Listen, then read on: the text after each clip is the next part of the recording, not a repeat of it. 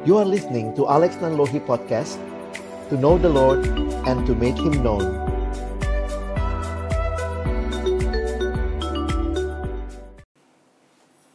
Mari sebelum kita membaca merenungkan firman Tuhan, kita berdoa. Kepadamu ya Tuhan kami datang malam hari ini ketika kami boleh memuji, memuliakan Engkau. Ini semua anugerah yang Kau berikan bagi kami. Tiba waktunya bagi kami untuk membuka firman-Mu. Kami mohon ya Tuhan, bukalah juga hati kami. Jadikanlah hati kami seperti tanah yang baik. Supaya ketika benih firman Tuhan ditaburkan itu boleh sungguh-sungguh berakar bertumbuh dan juga berbuah nyata di dalam hidup kami. Berkati hambamu yang menyampaikan, setiap kami yang mendengar, juga diskusi di antara kami. Tuhan tolong agar bukan hanya kami menjadi pendengar-pendengar firman yang setia, tapi mampukan dengan kuasa dari rohmu yang kudus, kami dimampukan menjadi pelaku-pelaku firmanmu di dalam kehidupan kami, di dalam masa muda kami. Bersabdalah ya Tuhan, kami sedia mendengarnya, dalam satu nama yang kudus, nama yang berkuasa, nama Tuhan kami Yesus Kristus. Kami menyerahkan pemberitaan firman-Mu. Amin.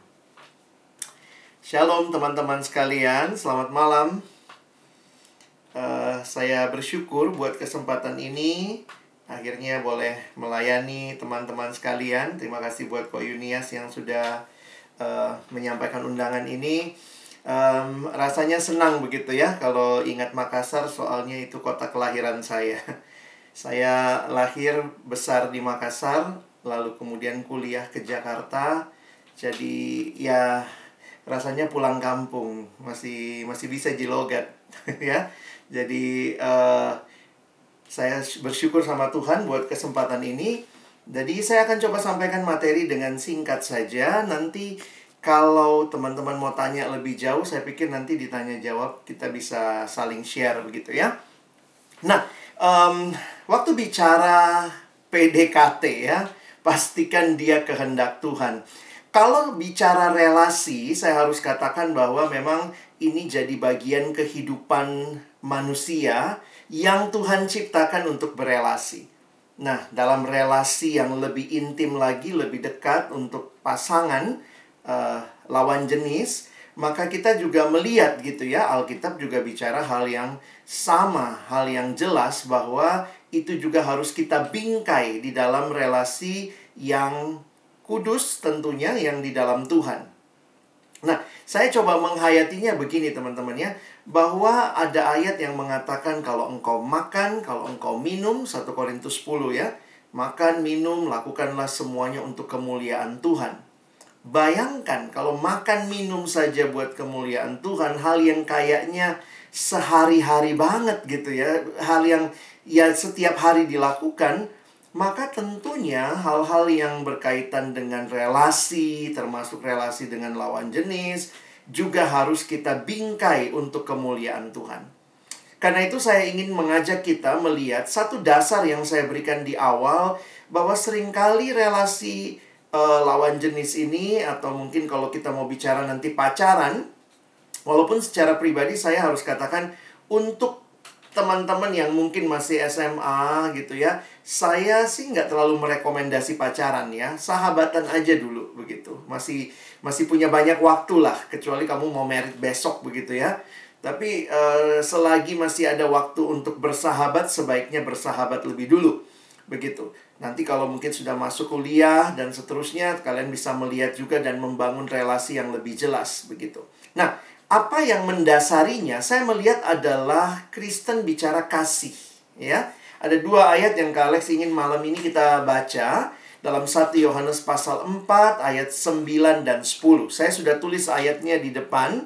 Jadi teman-teman nanti tinggal boleh baca ya sambil ikuti. Oke, saya bacakan buat kita 1 Yohanes 4 ayat 9 dan 10. Dalam hal inilah kasih Allah dinyatakan di tengah-tengah kita, yaitu bahwa Allah telah mengutus anaknya yang tunggal ke dalam dunia supaya kita hidup olehnya. Inilah kasih itu, bukan kita yang telah mengasihi Allah, tetapi Allah yang telah mengasihi kita dan yang telah mengutus anaknya sebagai pendamaian bagi dosa-dosa kita. Ada hal yang menarik kalau kita perhatikan di dalam ayat ini atau nanti kalau teman-teman baca konteksnya 1 Yohanes, maka saya harus ingatkan bahwa kasih itu dimulai dari Allah. Ya, kasih dimulai dari Allah itu jelas di dalam 1 Yohanes 4 ayat yang ke-10 tadi. Bukan kita yang telah mengasihi Allah, tetapi Allah lah yang telah lebih dahulu mengasihi kita. Jadi kalau bicara tentang kasih, maka kita bukan belajarnya dari dunia begitu ya. If you want to talk about love, teman-teman belajarnya dari Allah gitu ya. Karena Alkitab mengatakan God is love, kasih itu dimulai dari Allah. Jadi kalau kita mau belajar tentang kasih bukan bukan dari drama Korea begitu ya, sarange sarange ya. Tetapi kita belajar dari Allah dan apa yang nyata dalam kasih Allah itulah yang harusnya tercermin ketika kita juga mengasihi sesama termasuk dalam relasi pacaran misalnya, ya. Nah, karena itu saya harus ingatkan, mari renungkan sebentar, kayak apa sih kasihnya Allah itu? Di dalam ayat yang kita baca tadi, ada kalimat yang bagi saya sangat uh, apa ya, menjadi kesan yang dalam bahwa dikatakan Allah telah menyerahkan anaknya yang tunggal, mengutus anaknya yang tunggal ke dalam dunia. Nah, memang menarik kalau teman-teman nanti perhatikan, nanti bisa coba cek begitu ya.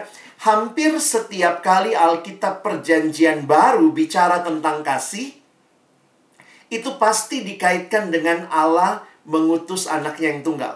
Saya ulangi ya.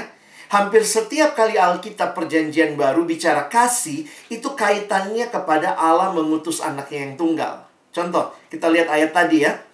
Dalam hal inilah kasih Allah dinyatakan di tengah-tengah kita. Jadi kalau dibilang dalam hal inilah kasih Allah dinyatakan di tengah-tengah kita, yaitu bahwa Allah telah mengutus anaknya. Jadi waktu bicara kasih Allah, maka ada tindakan yang ditunjukkan kepada kita. Allah telah mengutus anaknya. Perhatikan lagi di bawahnya ayat 10. Bukan kita yang telah mengasihi Allah. Inilah kasih itu. Bukan kita yang telah mengasihi Allah. Tapi Allah yang telah mengasihi kita dan telah mengutus anaknya sebagai pendamaian bagi dosa-dosa kita. Jadi menarik sekali hampir setiap kali Alkitab perjanjian baru bicara kasih itu merujuk kepada tindakan Allah mengutus anaknya yang tunggal. Masih ingat juga ya ayat yang sangat kita hafal Yohanes 3:16. Karena begitu besar kasih Allah akan dunia ini. Apa yang ditunjukkan? Ayat itu tidak mendeskripsikan, mendefinisikan kasih dengan kalimat-kalimat, tetapi karena begitu besar kasih Allah akan dunia ini, sehingga ia telah mengaruniakan anaknya yang tunggal. Jadi, bagi saya yang menarik adalah setiap kali kita diingatkan tentang kasih, kasihnya Allah, kita di-refer untuk melihat ke salib. Kenapa? Karena dari situlah sebenarnya kita mengerti what is the true love. Kasih yang sejati adalah kasih yang seperti kasihnya Allah. Perhatikan ayat 9 dan 10. Apa tujuannya kasih itu diberikan? Apa tujuannya Kristus datang ke dalam dunia? Perhatikan ayat yang ke-9 dikatakan supaya kita hidup olehnya. Dan ayat yang ke-10 sebagai pendamaian bagi dosa-dosa kita.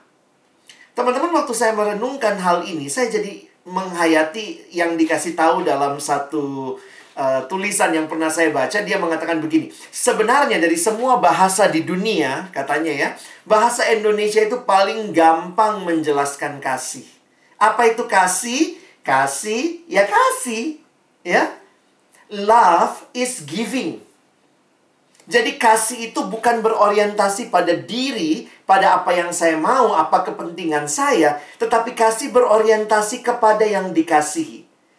Allah mengasihi kita bukan untuk dirinya saja, tetapi dikatakan ayat 9 supaya kita yang dikasihi itu hidup olehnya. Ayat 10, Allah mengasihi kita sebagai pendamaian buat siapa? Bagi dosa-dosa kita. Inilah kasih yang sejati, kasih yang memberi. Love is giving. Kasih, ya kasih gitu ya. Love is not taking. If love is taking, taking, that is not love. That is rampoking. Ya. Allah tidak merampok apa pun dari kita. tetapi dia datang mengasihi dan bahkan memberikan nyawanya bagi kita. Kenapa Kak Alex agak lama bicara ini? Supaya kita mengerti. Termasuk di dalam membangun relasi berpacaran nantinya atau yang sudah berpacaran bahkan sampai berumah tangga kiranya kasih Allah inilah yang mendasarinya. Kenapa banyak hal yang kayaknya pacarannya nggak bener? Apa apa ya? Uh, saya ketemu beberapa anak yang konseling ya. Jujur aja dalam konseling anak pacaran sekarang saya agak terkejut-kejut gitu ya. Tak bangka. Kaget kak eh dede luar biasa itu kejatuhan begitu dekat dan waktu bicara dengan mereka, dia bilang begini ya, ada satu anak bilang, iya soalnya waktu itu pacar saya bilang, kalau kau sungguh mencintai saya, ayo dong, kita lakukan sama-sama begitu ya. Kasih dong, saya mau minta cium dan segala macam. Saya bilang itu bukan kasih, Dek. Kau terperangkap, that is rampok. Dia ngambil sesuatu. Kasih yang sejati itu kasih yang memberi. Kalau itu kasih yang sejati, itu beda sekali dengan dunia. Teman-teman saya simpulkan begini ya. Kasih dunia hanya bicara perasaan, Bukan berarti perasaan nggak penting. Ada tempatnya perasaan. Tetapi kasih itu jadi kasih yang sangat egois kalau tidak dibingkai dengan kasih yang sejati. Hanya mengambil-mengambil untuk kepentingan diri sendiri. Dan itu sangat terbatas. Tidak heran ada yang ketika sudah menikmati tubuh pacarnya selesai ya sudah ditinggal saja. Kenapa? Kan sudah. Sudah dicicipi. Dan akhirnya saya melihat ketika dasar fondasi kasih ini tidak ada, maka orang cenderung mempermainkan relasi termasuk relasi pacaran, relasi suami istri. Nah, jadi ini harus jadi landasannya. Kasih itu apa? Mengasihi, menjaga, memberi. Dan yang menarik adalah begini ya. Kalau benar kita sungguh mengasihi pasangan kita, harusnya kita akan menjaga dia kudus sampai altar pernikahan. That is the true love. Karena kita rindu yang namanya pacaran itu adalah persiapan pernikahan. Harus jelas. Kalau pernikahannya kudus, pacarannya juga harus kudus. Ya? Nah, kalau kita bicara pacaran secara singkat ya, nanti mungkin dalam tanya jawab bisa lebih banyak kita bicarakan. Sebenarnya teorinya apa sih kak? Gitu ya mungkin teman-teman nanya gitu. Saya sih selalu ingat apa yang Alkitab ingatkan juga sama kita ya. Ada ayat nih. Amsal 30 ayat 18 dan 19 dikatakan ada tiga hal yang mengherankan aku bahkan ada empat hal yang tidak ku mengerti jalan Raja Wali di udara jalan ular di atas cadas jalan kapal di tengah-tengah laut, dan jalan seorang laki-laki dengan seorang gadis. Teman-teman waktu menghayati ayat ini, uh, ya kayak mau dibilang sama kita gitu ya, bahwa ya yang nulis Amsal pun juga nggak memahami begitu ya. Susah dijelaskan dengan teori. Kadang-kadang kita nggak bisa menjelaskan pacaran ini dengan teori ya. Karena ada yang bilang, iya nggak ada teorinya ya kak. Kenapa itu yang jelek sekali sama yang cantik atau yang ganteng sama yang jelek ya? Itu bisa macam-macam terjadi ya. Nggak ada teorinya tetapi ini mau menunjukkan bahwa uh, demikianlah adanya relasi ini yang harusnya setiap orang ini seni ya. Dalam hal pacaran saya pikir seni dalam arti tidak ada uh, kita punya prinsipnya tapi setiap orang akan menjalaninya dan menemukan jalannya sendiri Nah, ini dalam terjemahan bahasa Indonesia masa kini, bahasa Indonesia sehari-hari. Ini kalimatnya. Ada empat hal yang terlalu sukar bagiku untuk dimengerti, kata penulis Amsal. Burung Raja Wali terbang di udara. Tidak ada juga kita tahu burung mau ke arah mana, tidak ada GPS-nya gitu ya. Ular yang menjalar di atas batu karang. Kapal yang berlayar di tengah lautan. Dan sepasang muda-mudi yang sedang jatuh cinta. Nah, jadi saya coba masuk sedikit tentang apa sih kata Alkitab tentang pacaran. Pertama, faktanya di dalam Alkitab tidak ada secara spesifik tentang pacaran. Wih, kaget kita ya. Makanya di dalam agama tertentu mereka tidak menyetujui pacaran karena mereka bersumber kepada kitab yang sama dengan kita. Memang nggak ada pacaran. Di Alkitab kita, karena dalam budaya orang Yahudi pada masa itu, konteks yang dimengerti adalah pertunangan. Jadi pada waktu itu biasanya dicomblangin begitu rupa, ditunangkan lalu menikah. Jadi tidak ada pacaran. Nah, kalau begitu, pertanyaannya adalah bagaimana kita memaknai pacaran? Nah, bagi saya yang menarik begini, perhatikan ketika konteks yang terjadi pada Yesus, orang tua Yesus khususnya, pada Maria dan Yusuf. Jadi ada kebudayaan yang ada pada masa itu ketika orang itu bertunangan, mereka sudah dianggap sebenarnya secara budaya, secara tradisi, masyarakat menganggapnya sudah menikah. Tetapi dalam satu tahun, nah ya, itu yang terjadi itu masa di mana mereka akan menguji kesetiaan itu. Dan karena mereka kan sebelumnya biasanya kan dijodohin ya. Maka kemudian masuk dalam masa pertunangan. Nah, masa pertunangan itu mereka bergaul, kenal, tetapi masing-masing masih kembali ke rumah orang tua masing-masing. Itu kebiasaannya seperti itu pada masa itu. Nah, jadi kemudian setahun kemudian ya baru mereka menikah dalam arti yang sesungguhnya boleh bersetubuh dan seterusnya. Sehingga jangan heran ketika Yusuf tahu bahwa Maria dalam masa pertunangan itu telah hamil, langsung dia mau berniat menceraikan. Tapi kemudian Roh Kudus berkata atau dalam uh, eh, penglihat apa dalam ma malam suatu penglihatan malaikat tampak dan bilang jangan menceraikan Maria. Jadi Poinnya teman-teman, pada masa itu ada budaya pertunangan, bukan pacaran. Kalau sekarang kita ada budaya pacaran, sebenarnya apa kesamaannya? Jadi saya coba lihat kesamaannya. Ternyata yang saya lihat adalah sama-sama masa perkenalan. Masa pengenalan yang lebih dalam. Nah, jadi kalaupun dalam budaya kita sekarang mungkin juga nggak banyak yang mau kalau ditunangkan ya. Ada nggak yang mau ditunangkan orang tua? Kau kawin saya sama anaknya si ini ini ma macemu punya teman punya anak begitu. Kau kawin sama dia. Mungkin kita ih apa ini? Ini sudah zaman modern. Tapi kalau kita menjalani pacaran prinsip yang sama harus kita ingat. Itu masa pengenalan dan masa pengenalan ini yang harus kita lewati dengan baik Nah, prinsip umum tentang teman hidup tentu pertama lawan jenis ya. dulu awal-awal uh, dulu Kak Alex selalu bilang yang pertama harus anak Tuhan. Sekarang nggak bisa begitu ya mestinya. Pertama lawan jenis dulu baru anak Tuhan. Kira-kira begitu ya. Karena ternyata juga banyak orang yang merasa melegalkan hubungan sejenis dan itu sebenarnya bukan yang Allah kehendaki. Jadi prinsip teman hidup yang kita bahas malam ini untuk menjadi pacar menjadi suami atau istri lawan jenis, penolong yang sepadan, berarti sama-sama manusia. Kalau lihat kejadian pasal 2 ayat 18, penolong yang sepadan itu manusia dengan manusia lain. Lalu sesama orang percaya, 2 Korintus 6, terang dengan gelap tidak bisa bersatu. Ada yang bilang, tapi bisa saya paksa-paksa.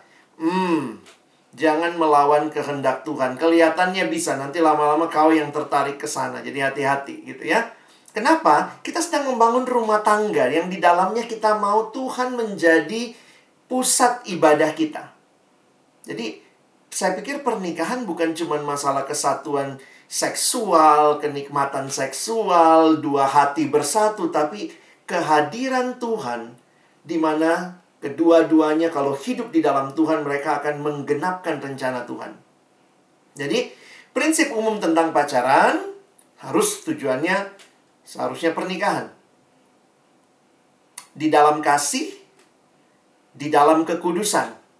Dan prinsip satu Korintus tadi harusnya memuliakan Tuhan. Nah, lebih jauh lagi.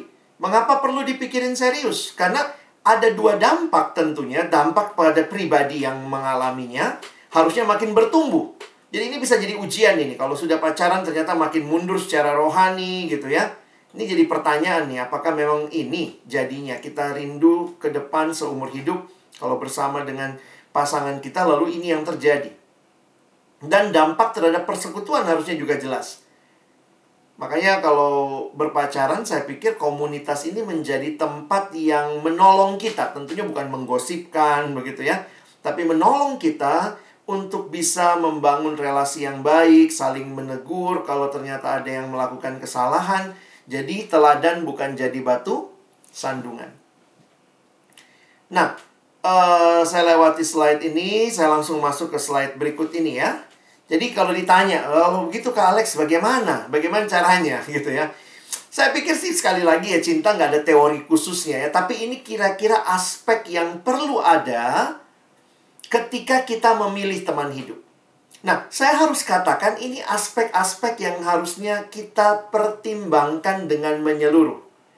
Sayangnya sering kali tanpa kita sadari, apalagi memang kayaknya sekarang ini drama-drama yang ditonton, film-film yang ditonton menawarkan feeling begitu kuat, sehingga seolah-olah orang berpikir aspek yang paling utama dalam memilih teman hidup hanya perasaan. No, bagi saya perasaan penting, tapi bukan satu-satunya. Ingat ya. Jadi ada akal sehat, ada komunikasi, dan ada Tuhan di situ. Jadi kalau kita buang salah satunya, ya udahlah saya pokoknya yang penting yang saya suka, saya ikuti hatiku. Itulah remaja sekarang, pemuda sekarang, kita dibohongi oleh dunia ini dengan mengatakan follow your heart, ikuti hatimu. No. Orang Kristen bukan follow your heart, Alkitab mengatakan hati ini sudah jatuh dalam dosa. Hati itu begitu licik kata Yeremia. Karena itu just don't do not follow your heart, follow God's word. Follow firman Allah gitu ya. Ikuti apa yang Allah katakan dalam firman-Nya. Karena itu perasaan ada satu bagian. Tapi juga ada akal sehat, ada komunikasi, ada penyerahan kepada Tuhan. Nah, bagi saya prinsip-prinsip ini yang harusnya jangan kita lalaikan dan termasuk pentingnya kita juga mendengar masukan orang. Karena waktu jatuh cinta itu aduh kalau lagi jatuh cinta itu rasanya semua kok mengarah ke cintanya gitu. Perasaan memang sangat kuat. Sampai kadang-kadang nggak punya akal sehat ya. Makanya orang bilang kalau orang jatuh cinta jadi bodoh gitu ya. Jadi goblok katanya. Karena ya begitu perasaan menguasai. Sekarang mulai lagi bicara yang penting chemistry-nya, dapat chemistry-nya. Saya pikir nggak seperti itu saja.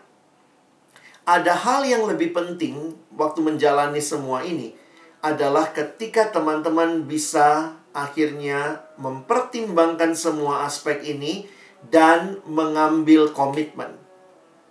Beberapa kali dalam sesi seperti ini saya tanya sama peserta, ada satu slide saya lagi yang biasa saya tampilkan, saya bilang coba bikin definisi apa bedanya teman, apa bedanya sahabat, dan apa bedanya pacar.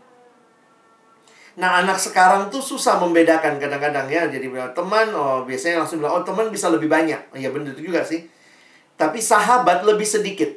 Banyak orang bisa jadi teman kita, tapi mungkin lebih sedikit yang jadi sahabat karena kita mulai share hidup kita. Lebih lebih dalam biasanya sama sahabat. Lalu apa bedanya sama pacar? Nah, udah mulai bingung. Pacar bedanya apa ya? Pacar teman rasa pacar gitu. Tapi yang yang logika paling sederhana adalah teman itu bisa sesama jenis, sahabat juga bisa sesama jenis, tapi kalau pacar harus lawan jenis. Nah, tapi yang lebih membedakan lagi bagi saya adalah komitmen bahwa ini adalah relasi yang serius antara kita berdua. Jadi makanya saya suka melihat tanpa sadar sekarang banyak orang senang kedekatannya, nggak mau komitmennya. Itulah karena apa? Karena perasaan jadi segala-galanya. Sementara perasaan itu hari ini kuat, besok bisa melemah. Karena perasaan itu juga dibangun dari banyak aspek. Makanya sebenarnya yang mempertahankan sebuah relasi adalah komitmen, bukan perasaan. Karena kalau bicara perasaan, hari ini kamu suka, besok kamu marah nanti sama dia. Nah, jadi saya berharap pemahaman ini mendasari kita untuk melihat bagaimana kita bisa akhirnya memilih teman hidup. Nah, apa langkah-langkahnya? Ya sekali lagi nggak ada teorinya tapi ini kira-kira prinsip-prinsipnya yang biasanya dari orang-orang yang sudah menjalani kita biasanya mendengar atau saya simpulkan ada empat hal ini. Tentu yang pertama buat dirimu sendiri tetapkan kriteria. Jangan siapa aja lah yang mau gitu ya. Itu jangan desperado juga gitu ya. Belajar untuk punya kriteria. Kenapa? Kalau kamu sendiri lost dengan kriteria, kamu tidak punya kriteria, kamu mungkin akan juga apa ya uh, mudah sekali menyimpang. Jadi saya berharap kita punya kriteria. Sesudah itu nanti kalau kita misalnya sudah masuk lebih jauh, maka kita akan tentunya berdoa. Saya pikir ini bagian yang penting untuk kita lalui. Kenapa? Karena kita bawanya dalam doa kepada Tuhan. Sesudah kita berdoa, kita yakin kalau dalam relasi, ya silahkan membangun komunikasi sampai akhirnya mungkin bisa sama-sama berdoa. Doa bersama. Ya, jadi jangan dalam doamu kamu putuskan sendiri. Kau datangi dia baru kau bilang sama itu cewek, eh, saya sudah doakan kau ya, pokoknya mulai hari ini kita pacaran. Ih, siapa itu? Keputusan doamu itu bukan doa bersama. Tapi kalau kita secara pribadi sudah mantap, kita datang, kita bangun relasi, waktu sudah lumayan dekat kita berani, misalnya kalau yang pria ya menyatakan, yuk kita doa sama-sama, kasih batas waktu ya, jangan doa bersama sampai kapan, sampai Tuhan Yesus datang, nggak jadi-jadi kalian. Punya batas waktu, misalnya kita doa sama-sama ya, satu bulan ini atau dua bulan ini kita lihatlah perkembangan relasi kita bagaimana, lalu ambil keputusan. Yang saya harus ingatkan, kenapa uh, Kak Alex kasih ini langkah-langkah kayak begini karena saya lihat sekali lagi ya banyak anak sekarang senang kedekatannya, tidak mau komitmennya. Padahal di dalam relasi, nah ini saya kasih kuncinya ya. Hati-hati dekat tapi tidak punya komitmen, khususnya dalam relasi lawan jenis. Sudah dekat, sudah WA tiap hari, sudah kontak-kontak, tanya apa kau makan, kau makan sama siapa, siapa nama anjingmu, sudah terlalu dekat, tapi tidak ada komitmen, nanti jadi nggak jelas. Ada yang bilang, tapi begitu kak, soalnya kalau sekarang terlalu cepat kita tembak, nanti kita kehilangan. Saya bilang lah, itu sebenarnya apa konsepmu? Dan akhirnya ada yang bilang gini, kami sama-sama terbuka kak, dia suka sama saya, saya suka sama dia, tapi kita belum pacaran ini. Kita teman baik lah, teman dekat jadi dia bebas sama siapa aja, saya juga bebas sama siapa aja. Tapi kalau nggak ada yang kita kejar ya kita sama-sama begitu. Hah? Gitu ya. Saya pernah ketemu remaja yang seperti itu. Dan satu waktu dia datang nangis-nangis. Saya bilang kenapa? Dia jadian Mika. Saya bilang kenapa kau nangis? Ya nggak tahu lah, ada rasanya hatiku yang hilang. Saya bilang ya kau yang bodoh. Kenapa kau bodoh? Kau tidak punya komitmen. Jadi dia terserah mau sama siapa aja kan itu dan kau nggak bisa nggak perlu nangis dia bukan siapa-siapamu juga gitu ya. Jadi jujur aja saya kadang-kadang melihat kita atau generasi sekarang ini mempermainkan perasaan sayang tanpa komitmen itu cenderung menyakitkan. Ya, baik sekarang mungkin langsung sakit atau nanti sakitnya. Jadi, saya berharap kiranya hal-hal ini bisa membingkai teman-teman untuk bisa memutuskan, memilih, memulai relasi dengan orang yang tepat ya. Jadi kiranya ini pengantar dari saya bisa menjadi landasan buat kita diskusi dan tanya jawab. Baik, terima kasih. Ya, terima kasih Kak Alex untuk sharing firman Tuhan dan juga pemaparan yang sangat uh, menarik. Saya kira memunculkan beberapa diskusi-diskusi yang nanti mungkin akan sangat menarik ya. Um, teman-teman, kali saya sorry sekali uh, di rumah tiba-tiba itu mati lampu sehingga jaringannya jauh. Jadi saya tiba-tiba harus meluncur ke Eben sekarang. Jadi sekarang posisinya di gereja. Ya, thank you teman-teman uh, juga Kak Alex yang sudah menyampaikan firman Tuhan buat kita sekalian, teman-teman sekali lagi yang tadi Kak saya sampaikan bahwa dia sebenarnya bukanlah orang asing dengan Makassar, justru dia lahir di Makassar, jadi uh, ya dekat sekali dengan kita. Sebetulnya tahun ini beliau akan ke Makassar, tapi berhubung COVID, jadi nggak bisa, jadi dia Zoom aja ya, Kak Alex ya. Sampai juga nah, akhirnya via Zoom. Iya. Nah, terus kalian, Kak Alex sebetulnya uh, adalah seorang yang sangat sangat banyak sekali pengalaman khususnya di pemuda remaja ya. Beliau di Perkantas mungkin lebih dari berapa tahun kak ya? Dua tahun mungkin ya? Ya kurang lebih dua dua tahun beliau di Perkantas teman Perkantas adalah pelayanan mahasiswa ya. Dan teman-teman dia banyak sekali pengalaman ketemu remaja anak pemuda yang uh, mulai dari masalah pacaran masalah studi masalah keluarga mengkonseling jadi teman-teman yang mau tanya apa pun ke Kak Alex mengenai uh, pacaran seperti apa, relasi seperti apa, silakan ya, jangan malu. Atau kalau malu bertanya langsung, teman-teman bisa uh, chat ke saya atau ke Selfie juga boleh ya. Nanti kita akan menyampaikan uh, pertanyaan teman-teman kalian ke Kak Alex gitu. Apakah ada sebelum saya memulai? Mungkin saya Koyun. Oh iya, silakan Alfred ya. Kak Alex ada Iya. namanya. Silakan. Ya, ya halo Kak Alex. Halo. Ya, saya ya tadi berdasarkan penjelasannya Kak Alex kan bilang tadi dalam memilih pasangan hidup kan ada hal-hal yang harus kita eh, persiapkan. Misalnya kayak menentukan kriteria seperti apa, Iya. terus kita doa lagi, ya kan? Iya. Nah, yang saya mau tanyakan, kapan waktu yang tepat untuk kita boleh memilih teman hidup? Hmm. Apakah di saat masih berkuliah, masih menjadi mahasiswa, atau Hmm. bol- baru boleh ketika kita sudah bekerja kah? Atau kapan? Terima kasih. Makasih Alfred. Sebenarnya slide saya panjang toh, tapi memang karena waktu, jadi saya saya teruskan sedikit slide saya ya. Sebenarnya di bagian paling akhir, Alex, Kak. sorry, Oh, iya. maaf. Saya bilang ya slide saya sebenarnya panjang, tapi karena waktu jadi saya harus men- menyingkat. Nah di, di di slide saya paling akhir ada ada pertanyaan ini.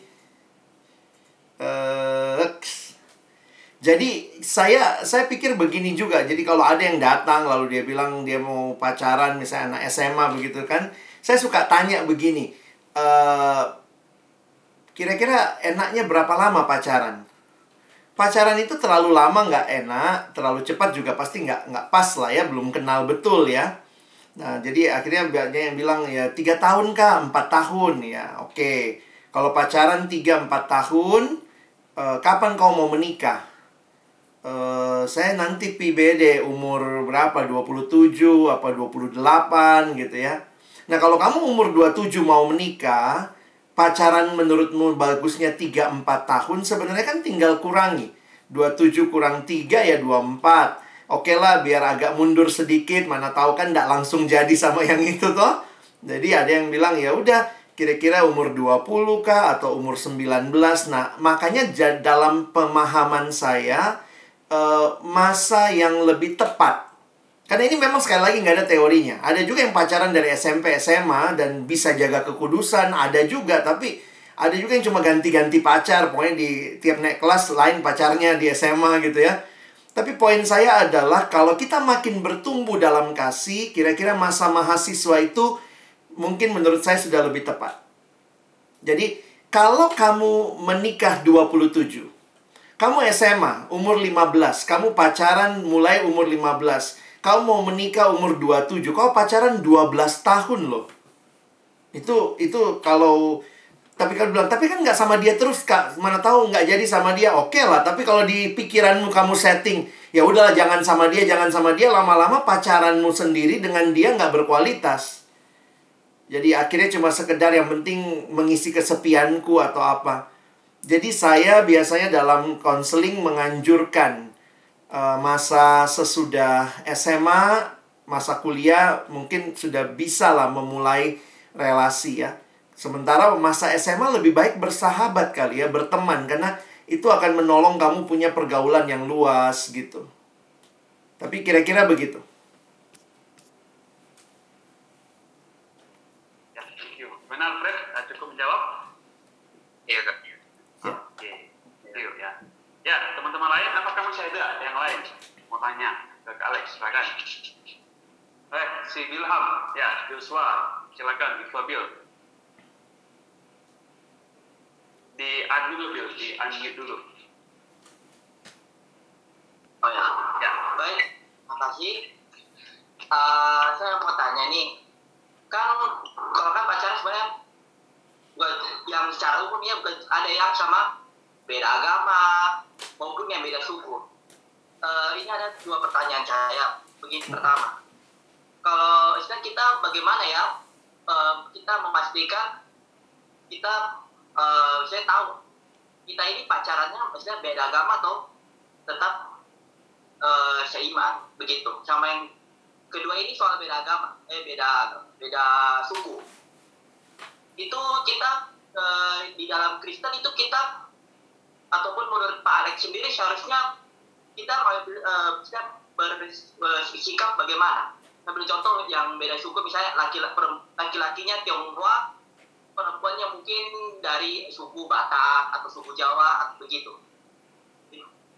Oke. Okay. itu pertanyaan dan baik terima kasih uh, Pak uh, Bill ya. Um, saya secara pribadi memang harus mengatakan kalau beda iman ya jangan dilanjutkan karena apa ya jelas gitu kalau teman-teman mengasihi Tuhan, harusnya perintah Tuhan kita pertimbangkan dengan serius. Dan itu bukan untuk di sebenarnya juga bukan untuk dipertimbangkan ya, tapi untuk ditaati. Uh, eh, 2 Korintus 6 ayat 14 Jangan kamu merupakan pasangan yang tidak seimbang dengan orang-orang yang tidak mengenal Tuhan Karena bagaimana mungkin terang bersatu dengan gelap Saya pikir realita ini yang Tuhan ingatkan bagi kita harusnya menjadi pagar buat kita berelasi. Silakan bersahabat bisa dengan semua siapa aja dari agama mana saja, tetapi ketika mempertimbangkan untuk teman seumur hidup bersama Tuhan, membangun keluarga di dalam Tuhan, saya rindu atau saya pikir kita harusnya punya prinsip yang jelas. Nah, jadi bagi saya pastikan dia cinta Tuhan. Jadi memang kalau buat saya kalau orang nanya, jadi kriterianya pacar yang baik itu apa kak? Dua aja cuma. Cinta Tuhan dan cinta kamu ya. Kadang-kadang banyak yang cinta Tuhan tapi nggak cinta sama kamu. jadi itu yang bikin tidak dapat ya. Tapi uh, poinnya adalah cinta Tuhan berarti dia sungguh-sungguh terima Yesus dalam hidupnya sebagai satu-satunya Tuhan dan Juru Selamat. Dan mengasihi kita juga. Jadi uh, saya pikir mari kita serius dengan uh, itu ya tentang tentang uh, seiman. Nah, kalau beda suku, saya harus katakan ini jadi pergumulan banyak budaya. Memang budaya yang sudah jatuh ke dalam dosa itu menganggap diri dan budayanya yang paling tinggi. Jujur aja lah, semua kita dengan keluarga kita masing-masing, budaya kita merasa budaya kita jauh lebih tinggi dari budaya orang. Padahal jangan lupa, semua culture di muka bumi sudah jatuh dalam dosa. Dan menariknya di dalam Kristus, Efesus pasal 2 mengingatkan bahwa tidak ada lagi tembok pemisah. Itu gambaran bait Allah yang waktu itu ada tembok yang memisahkan orang Yahudi yang boleh ibadah di dalam dengan orang Yahudi yang hanya uh, orang non-Yahudi yang hanya boleh sampai pelataran luar. Nah, kematian Kristus di kayu salib dikatakan telah merubuhkan tembok pemisah menciptakan mereka dalam satu manusia baru harusnya sebagai orang-orang yang telah dibaharui dalam Kristus, kita tidak lagi melihat orang dengan kacamata dia suku apa.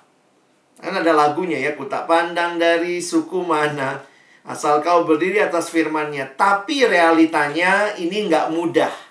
Sekali lagi nggak mudah. Seringkali dalam stereotyping terhadap suku, kita punya stereotype yang apa ya Ya kayak gitulah. Semua orang Batak kasar. Nah, itu kan namanya generalisasi. Itu stereotyping. Semua orang Tionghoa kaya. Loh, enggak juga gitu ya. Jadi itu semua stereotyping yang muncul. Nah, bagi saya sebenarnya tugas gereja adalah membangun kesatuan itu. Nah, di dalam mencari jodoh atau mencari uh, pasangan hidup lah ya kalau kita bicara hal itu saya melihatnya sebenarnya secara prinsip kalau kita sudah dalam Tuhan tidak ada masalah suku. Tetapi ingat pernikahan juga itu bicara kesatuan bukan hanya dua individu tapi dua keluarga besar. Karena itu perhatikan baik-baik tipikal keluargamu seperti apa. Keluargamu terbukakah untuk per perkawinan beda suku? Kalau terbuka, Apakah kamu misalnya kalau ketemu yang beda suku lalu klik, apakah memang mau melanjutkan? Jadi jangan sampai saya melihat beberapa orang begini ya, sudah tahu dari awalnya kayaknya susah nih satu su uh, beda suku. tapi dia jalanin.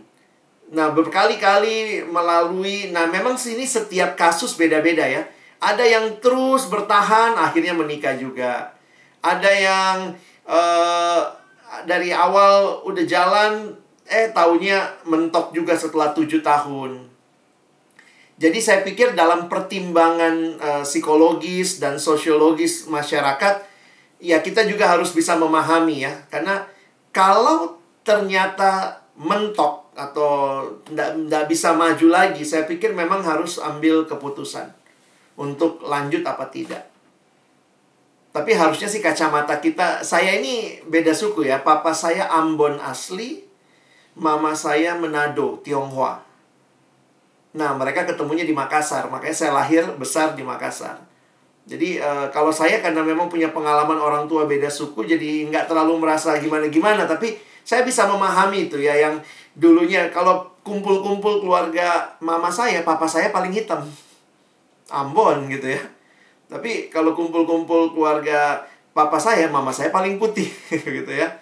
Nah, jadi uh, buat saya akhirnya karena sudah lahir dalam perbedaan ini saya bisa me menghayatinya, tapi bagi banyak suku saya pikir nggak mudah. Alex ya. Bill, oke okay, Bill ya. Uh, nah, Kak Alex ada beberapa pertanyaan yang masuk nih ya. Iya. Kalau kita bisa tahan ya.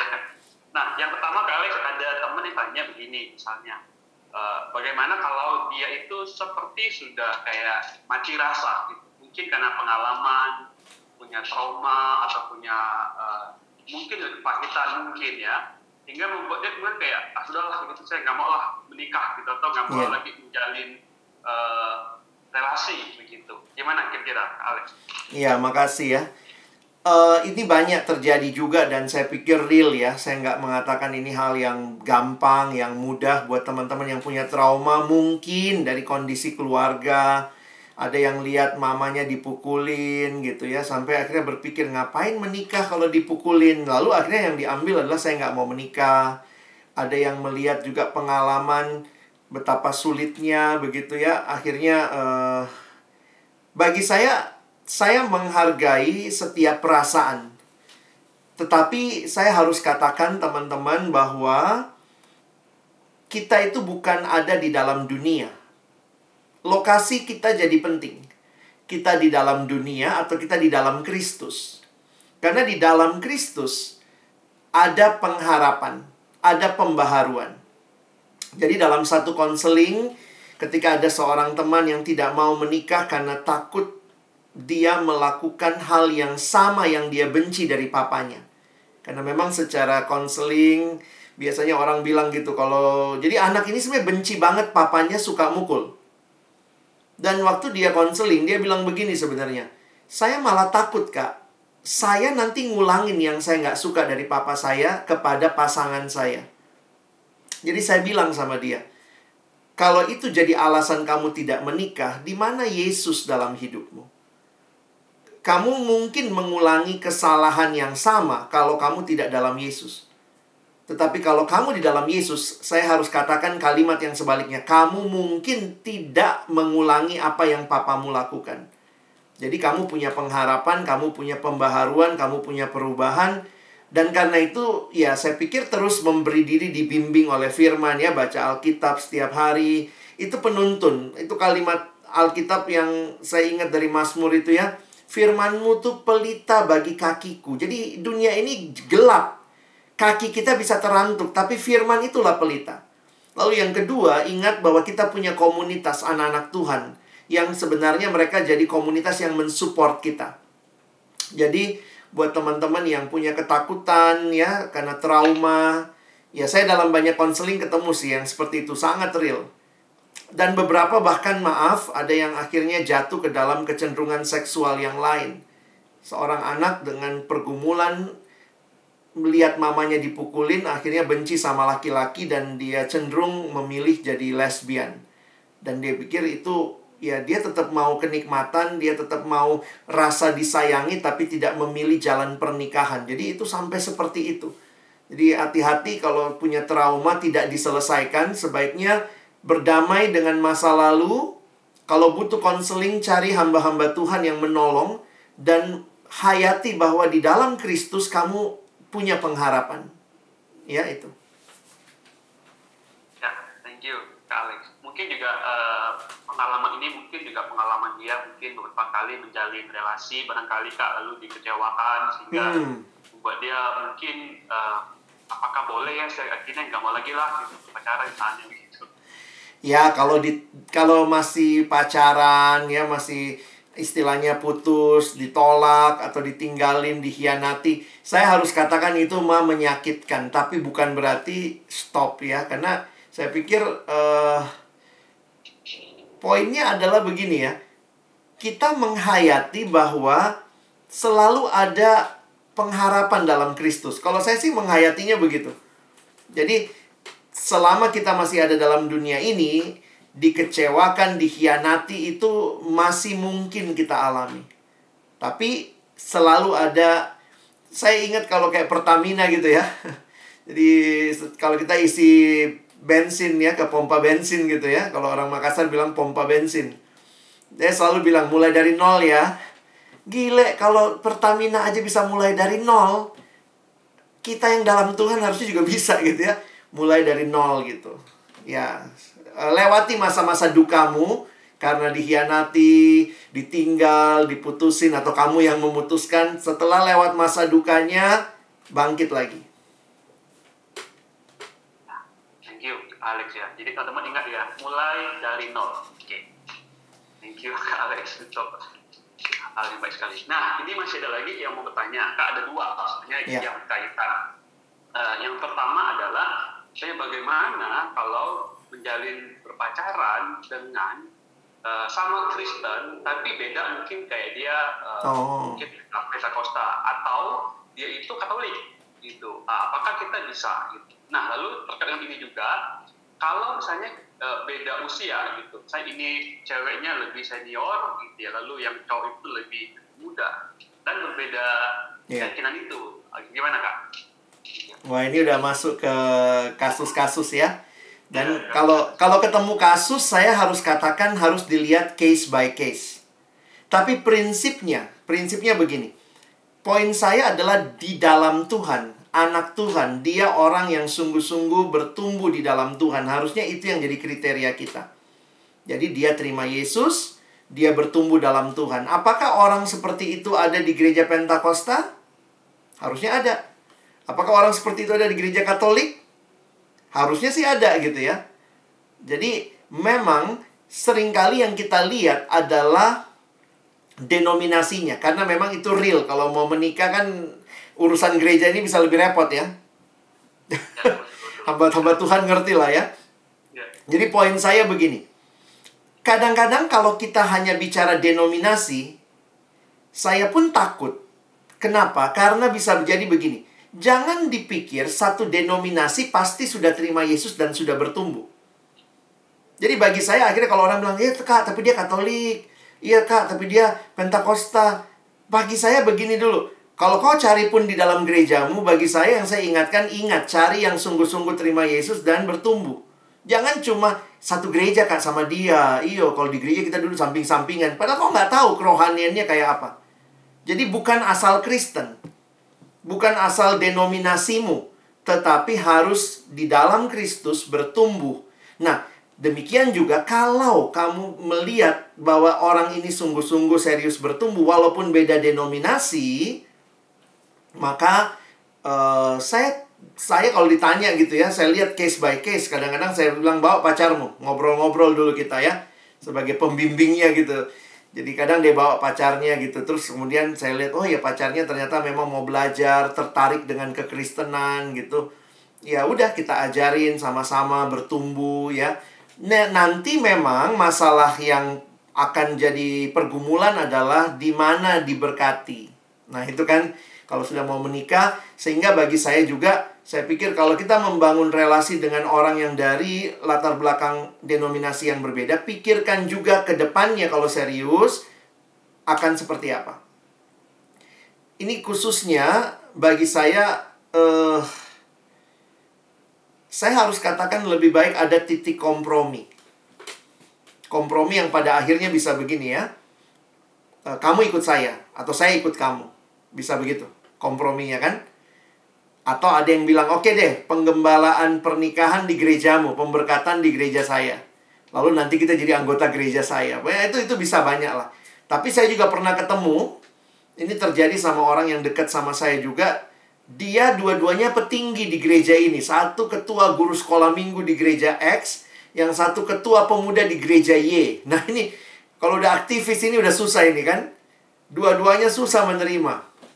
Akhirnya, uh, di ikut pastoral penggembalaan pernikahan di gereja yang satunya, yang ketua pemuda, dan menikahnya di gereja yang ketua sekolah minggu. Sesudah menikah, mereka berdua pilih gereja ketiga. Mereka pindah gereja ke gereja yang baru. Supaya kata mereka sama-sama baru. Karena kalau saya pindah ke sana, nanti istriku jadi baru di gereja saya. Nanti dia nggak kenal orang. Kalau saya yang ini pindah lagi, nanti suamiku yang nanti di gerejaku jadi asing. Jadi setelah menikah, karena ini ikuti keinginan orang tua ya. Dua-duanya pokoknya papanya yang satu majelis di sini, yang satu majelis di sini. Nggak mau tahu, pokoknya harus lewat gereja kami. Setelah lewat, mereka pilih gereja ketiga. Itu bagi saya unik juga ya. Tapi ya, uh, sekarang mereka bertumbuh di gereja itu, mereka melayani dan jadi majelis gitu ya. Jadi banyak kemungkinan, tapi poinnya adalah bukan denominasi yang utama. Apakah dia dalam Kristus? Mengenai perbedaan usia, itu masalah utamanya sebenarnya memang di dalam psikologis. Karena perempuan lebih cepat puber. Jadi perempuan secara umur psikologisnya itu lebih dewasa dari laki-laki. Jadi uh, ini yang banyak ditakutkan oleh psikolog-psikolog ketika misalnya perempuan sudah semakin tua sementara suaminya mungkin masih menggebu-gebu, nanti tahu-tahu dia, dia lirik-lirik yang lain istrinya sudah mulai sudah mulai tidak bergairah begitu. Itu secara psikologis biasanya pertimbangan-pertimbangan yang disampaikan. Tapi saya tetap meyakini di dalam Tuhan itu semua bisa kita atasi karena dibutuhkan ketundukan dan saling bergantung.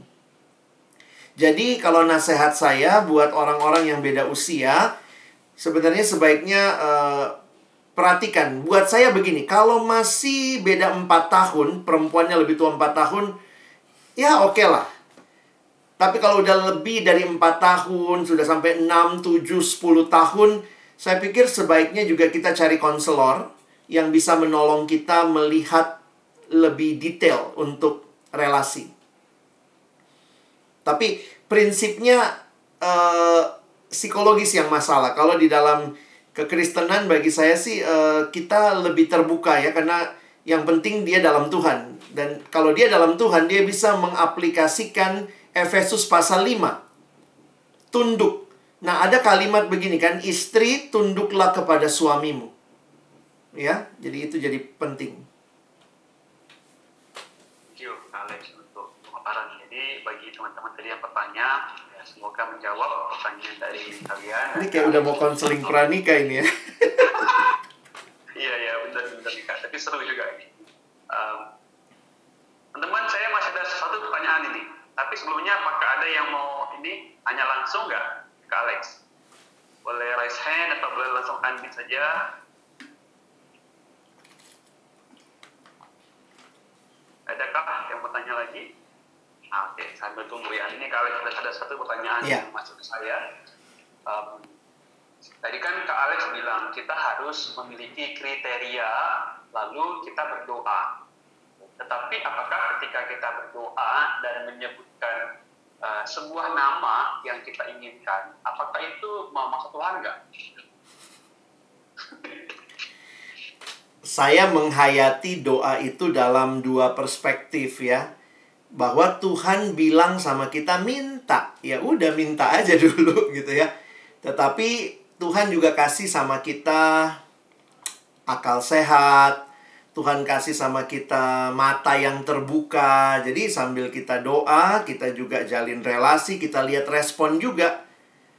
Jadi eh, bagi saya akhirnya pada waktu kita berdoa setelah kita berdoa, kita jalin relasi karena sebenarnya gini loh tadi dalam slide saya karena teman-teman nggak lihat aja ya. Sebenarnya dalam doa itu bukan cuma berdoa, tapi kemudian jalin relasi.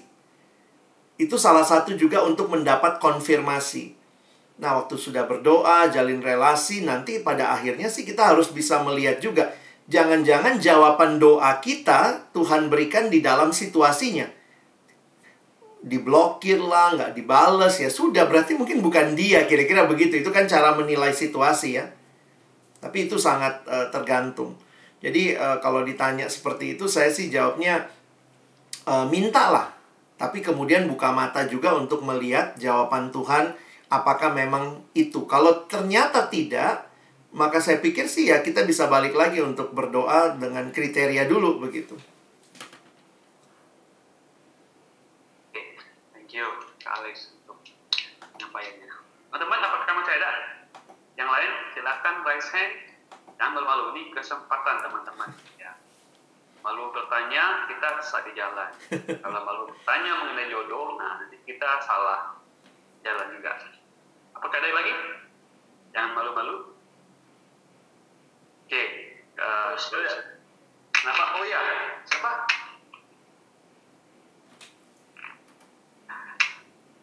Ya, kalian ada satu pertanyaan lagi. Kalian ya. ini, tadi kan dikatakan bahwa uh, apakah apakah pacaran itu betul-betul satu kali lalu kita persiapkan untuk pernikahan atau kita sebenarnya bisa me, ya seperti apa ya kayak memilih gitu. Saya memilih dari beberapa ini mana yang mana yang cocok mana yang kira-kira uh, pas gitu. Maka saya pilih itu. Nah apa atau saya mesti ketika saya ketemu dengan si A ya lalu saya betul-betul uh, fokus ke diri saya gitu. Atau bisa ya sambil mencari misalnya yang lain juga ini pertanyaannya susah ini saya meyakini bahwa dalam hal ini Tuhan kasih kebebasan tentu Tuhan dalam kemahatahuannya tahu siapa yang terbaik buat kita tapi Tuhan kasih kita kebebasan dan di dalam kebebasan itu Tuhan kasih kita akal sehat, Tuhan kasih kita penglihatan yang jelas, Tuhan kasih kita komunitas yang bisa menolong kita. Jadi bagi saya dalam situasi seperti ini, uh, ya teman-teman harus apa ya kalau dipakai istilah bisa bisa discern ya, bisa untuk membe me apa benar-benar memahami yang mana kehendak Tuhan di dalam kita menggumulkan uh, pasangan hidup ini. Nah, saya menghayatinya kalau masa pacaran itu sebenarnya kan masa pengenalan. Jadi masih mungkin putus. Jadi saya tidak menganut yang sekali pacaran maka kita pertahankan terus padahal sudah jelas-jelas nggak cocok. Ya. Saya ketemu soalnya ada satu anak yang jadi unik juga ya cara dia mengerti kehendak Tuhan begini dia bilang. Jadi pacarnya ini sudah pukul dia. Udah dipukul, pernah ditendang jatuh dari motor.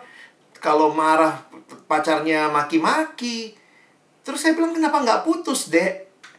Saya bilang putus gitu ya. Malah saya yang saya yang emosi gitu ya. Ini perempuan soalnya. Saya bilang putuskan itu. Terus kalimatnya dia nih kayak saya pikir waduh, dia balikin. Tapi Kak, waktu saya jadian sama dia kan saya berdoa. Terus kalau kau berdoa berarti nggak boleh putus. Bukannya, karena saya melihatnya begini, cara berpikirnya adalah menggumulkan itu hanya sekali di awal, lalu kemudian kalau sudah pacaran sama orang itu ya sudah kita terus pertahankan. Saya bilang ingat loh deh, ini bukan pernikahan. Kalau pernikahan kamu lakukan begitu, saya acung jempol. Memang begitu kalau sudah menikah, terima pasanganmu sampai mati.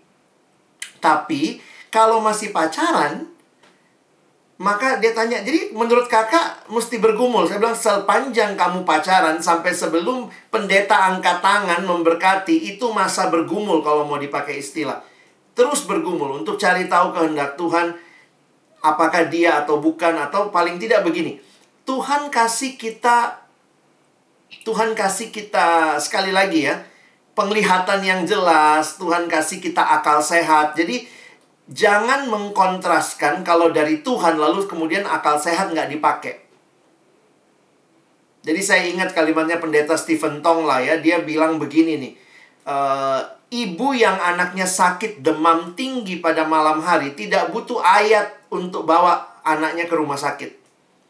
Dia tidak butuh tanda dari langit, tidak butuh mujizat untuk bawa anaknya ke rumah sakit. Kenapa? Karena akal sehat yang Tuhan berikan bisa menolong dia untuk membawa anaknya. Nah, jadi saya juga beberapa kali ketemu seorang teman yang jelas-jelas ceweknya nggak mau, nggak suka sama dia, udah ditolak, udah di apa gitu ya. Tapi dia terus bilang, soalnya saya yakin kak dalam doa saya. Ya dalam doamu kau yakin, dia enggak. Buka matamu gitu ya. Kamu move on dong gitu. Nah jadi kadang-kadang hati-hati kita over spiritualize. Seolah-olah kalau kita sudah doakan, maka nggak boleh lagi kita lepas. Itu yang bagi saya malah membahayakan karena sepanjang kamu menjalani itu masa sebenarnya kamu kenal, bergumul. Nah, sekarang juga di beberapa sekolah teologi yang konseling, sebaiknya kalau mulai pacaran, sebaiknya ikut konseling. Konseling itu bukan buat orang bermasalah, tapi konselor-konselor ini dilatih untuk menolong kita memahami satu sama lain. Jadi itu bisa mendapatkan pertimbangan. Tentu memang yang memutuskan kita ya. Tapi ada alat tes dari konselor, ada nasihat-nasihat untuk menolong kita dalam masa pacaran sehingga kalau ternyata ini bermasalah maka sebaiknya jangan dilanjutkan. Saya lihatnya begitu. Ya, Semoga menjawab ya teman-teman. Uh, ini ada satu lagi pertanyaan kak bilang gini, uh, ini uh, isengatan itu sama cewek gitu ya. Nah ada cowok gitu ya yang berpacaran dengan si cewek itu. Iya. Nah mereka mereka Kristen tapi orang tua si perempuan itu bukan Kristen yeah. masih Buddha gitu nah orang tua itu nggak setuju sama mereka gitu untuk uh, sama si cowok ini gitu. karena orang tua itu ingin anaknya itu bisa punya pacar atau pasangan yang Buddha juga walaupun si anak perempuan ini sudah Kristen gitu nah gimana kira-kira menghadapi hmm. sikon ini Alex ini situasinya spesifik keluarga ya jadi saya pikir begini Teman-teman yang paling kenal keluargamu. Kamu yang paling kenal bagaimana orang tuamu. Kalau dalam pergumulan kamu dapat keyakinan dari Tuhan untuk melanjutkan relasi ini, maka saya pikir uh, lanjutkanlah. Karena apa? Memang kan sebenarnya kalau sudah di dalam Tuhan, ya jangan mau juga kan dipasangkan, dicomblangkan sama yang beda agama dong. Bagi saya, kita sangat menghargai orang tua kita, sangat sayang. Semua anak sangat sayang sama orang tuanya. Demikian juga sebenarnya orang tua sangat sayang sama anak. Tetapi di Alkitab ada perintah um, taatilah orang tuamu di dalam Tuhan. Saya lama bergumul dengan ayat itu karena orang tua saya termasuk yang nggak setuju saya jadi hamba Tuhan. Jadi kalau saya taat sama orang tua saya, saya nggak ada hari ini memberitakan firman. Karena saya sayang sekali sama keluarga, saya sayang sekali sama orang tua saya, tapi ketika saya berhadapan dengan perintah orang tua, jangan masuk pelayanan. Waktu itu orang tua saya pikir saya lulus dari kampus yang baik, ya udah cari kerja aja gitu. Nanti uangmu aja buat pelayanan. Sabtu Minggu juga kamu pelayanan kok. Tapi saya bilang saya harus masuk pelayanan full time. Dan mereka nggak setuju. Jadi akhirnya saya memaknai ayat itu, iya ya, taat kepada Tuhan itu satu sisi. Eh, taat kepada orang tua di sisi yang lain, tapi ada taat kepada Tuhan di sisi yang lain. Jadi kalimat ayat itu jelas. Taatilah orang tuamu di dalam Tuhan. Jadi kalau kehendak orang tua berbeda dengan kehendak Tuhan, maka pilihan kita adalah taat sama Tuhan. Nah, tapi yang menarik ayat itu dilanjutkan dengan hormatilah ayahmu dan ibumu. Nah, saya memaknainya begini kali ya. Dalam kaitan kata hormat itu tidak ada embel-embelnya. Kalau taat, ada embel-embelnya di dalam Tuhan. Tapi hormat itu menyiratkan begini. Bahwa orang tuamu mau seagama, mau beda agama, mau papamu baik, nggak baik, mamamu baik, nggak baik. Mereka orang tua yang bertanggung jawab, nggak bertanggung jawab. Alkitab memerintahkan cuma satu, hormati tapi dalam ketaatan kita punya pilihan. Dalam menghormati nggak ada pilihan. Hormatilah orang tuamu sejahat apa pun hormati. Kenapa itu perintah Tuhan kan? Tapi dalam hal ketaatan, jadi boleh nggak nggak taat sama orang tua? Oh, ini jadi enak nih buat anak-anak. Boleh nggak nggak taat sama orang tua? Boleh, Alkitab bilang boleh. Kalau orang tua tidak taat sama Tuhan. Tapi kalau orang tua taat sama Tuhan, kita pun mesti taat. Misalnya tiba-tiba orang tua ngomong, ayo nak, kita bunuh tetangga sebelah. Mesti taat. Jangan. Dalam hal ketaatan kita punya pilihan. Nah, jadi balik lagi ke kasus tadi, lihat prinsipnya ya. Jadi kalaupun kamu dihalangi sama yang sekarang, maka kalaupun kamu tidak melanjutkan, jangan juga jadinya ikutin perintah orang tua supaya cari yang agamanya seperti agama orang tua karena ini pasti nggak mudah. Nah, di sinilah jadi perjuanganmu ya. Misalnya terus belajar mengasihi keluarga, belajarlah supaya keluarga bisa mengerti pilihanmu terhadap Tuhan yang kau sembah dan mungkin itu perjuangan seumur hidup seorang teman sampai ya maaf ya ini pasti sangat menyakitkan tapi dia sampai akhirnya harus menikah tanpa orang tuanya berdiri karena orang tuanya nggak mau masuk gereja yang berdiri walinya omnya tantenya tapi ya sesudah nanti punya anak taunya ya udah baikan datang sama orang tua tapi waktu menikah itu sangat menyedihkan karena memang orang tuanya memilih tidak datang ke gereja jadi bagi saya iya ya itu mungkin harga yang kita pikul sebagai orang yang mengikut Kristus. Thank you, Alex ya. Semoga ini menjawab teman-teman yang tadi ya bertanya. Teman-teman, saya masih ada pertanyaan, tapi kalau teman-teman ada yang ingin langsung bertanya, saya persilakan teman-teman. Ini kesempatan yang baik sekali ya. Kita bisa tanya ke Alex dengan pengalaman dan juga pemahaman beliau. Semoga bisa memberkati kita dan menolong kita sekalian. Adakah yang bertanya lagi? Oh, Ko Suryo. Silakan, Ko Sur. Apa ini mau bertanya atau macam apa? Selamat malam, kedengaran? Ya, ya selamat malam. Uh, saya, saya ingin bertanya uh, singkat saja, baga bagaimana bagaimana penting uh, konflik dalam hubungan itu uh, membantu menguatkan hubungan itu. Jadi kalau saya dengan pasangan itu jujur aja belum hampir tidak ada yang terhitung sebagai konflik. Uh, pertengkaran tidak hampir tidak ada. Sudah berapa lama kira-kira jalannya? Satu setengah tahun. Oke. Okay. Uh, eh, memang ada kalimat-kalimat yang agak menekan ya. Kalau nggak pernah berantem besar, hati-hati kamu jalanin terus. Kadang-kadang kita tertekan juga sama kalimat-kalimat begitu ya. Tapi saya pikir kalau kita pun makin memahami, makin mengenal, memang akhirnya ini tentunya kalau kualitas pengenalannya juga baik ya. Jadi bukan cuma pengenalan yang superficial. Uh, bagi saya itu itu akan menjadi satu modal yang baik lah ya. Berarti uh, sudah punya konflik manajemen yang baik, masing-masing sudah bisa menahan diri untuk tidak Eh, karena kan berarti baik dong relasinya sampai kok nggak berantem ya. Dalam arti dia berarti belajar mengerti uh, Suryo juga belajar mengerti dia gitu ya. Jadi bagi saya sebenarnya itu modal yang baik.